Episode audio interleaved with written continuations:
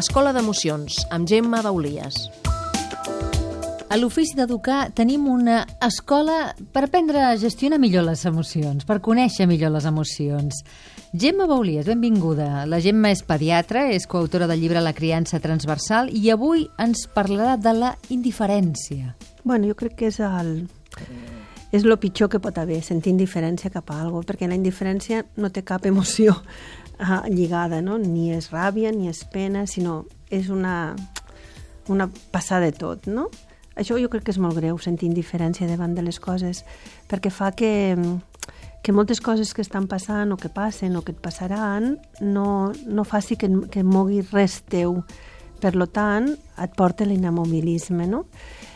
La indiferència s'aprèn a casa, també, perquè si, si a casa tenim uns pares que no, que no estan per ells, eh, que no els acompanyen, els nens veuen que tot el que els hi passa més no importa a ningú. Llavors, és el seu patró, no? Com els hi pot emportar el que passa al seu company, a la seva mestra, o al seu pare si té un problema, si ell ho ha patit des de petit.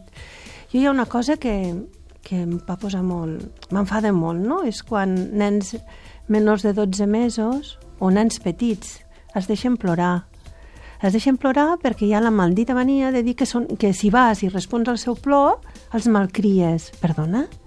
Un nen de sis mesos el malcries? Si l'única manera de te, que té que dir-te que algo no li va bé és igual. Està brut, té gana, té fred, vol companyia, vol estar en braços, vol canviar de lloc. L'única manera que té és plorant. Si no els hi fem cas, què els estem ensenyant als nostres fills? A, a qui demanaran ajuda quan siguin grans? jo sempre, soc, sempre dic el mateix, no? que la nostra relació amb els nostres fills quan siguin adolescents o quan siguin adults, l'estem fent quan són petits, quan tenen dos, tres, quatre, sis mesos, un any. Per què? Perquè pues, feu l'esforç d'imaginar-vos vosaltres de sis mesos que no us podeu moure, que teniu fred, que esteu plorant en una habitació fosca tots sols i que no ve ningú a ajudar-vos quina sensació us crea a vosaltres? Que els nens petits tenen sensacions també, eh?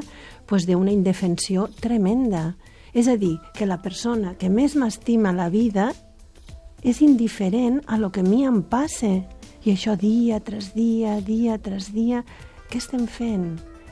Jo crec que tindríem que canviar molts conceptes que són erronis. Mm, malcriar no és malcriar, hi ha una criança amb un acompanyament més ple. D'acord que dona més feina, sí. dona molta més feina. Dona molta més feina durant els, els anys més importants de la criança, després ja no, perquè aquests nens marxen. Que en tot cas, i per acabar, el fet de atendre i no ser indiferent no vol dir que no haguem de col·locar unes normes i unes no pautes. No té res a veure, eh? No té res a veure. Arriba èpoques que tenim que col·locar normes i pautes perquè els nens necessiten això. I necessiten que siguin els seus pares que ho facin, perquè se sentiran més protegits i més estimats. Unes normes i unes pautes que, depèn de les famílies, són més rígides o menys rígides. Cada família té que decidir el que fa tenen que decidir com eduquen els seus fills, però les normes són importants perquè li dona, al nen li dona una, una, una zona de seguretat i de confort. Avui a l'Ofici d'Educar, en aquesta escola d'emocions, hem parlat de la indiferència. Gràcies, Gemma Baulies. A vosaltres.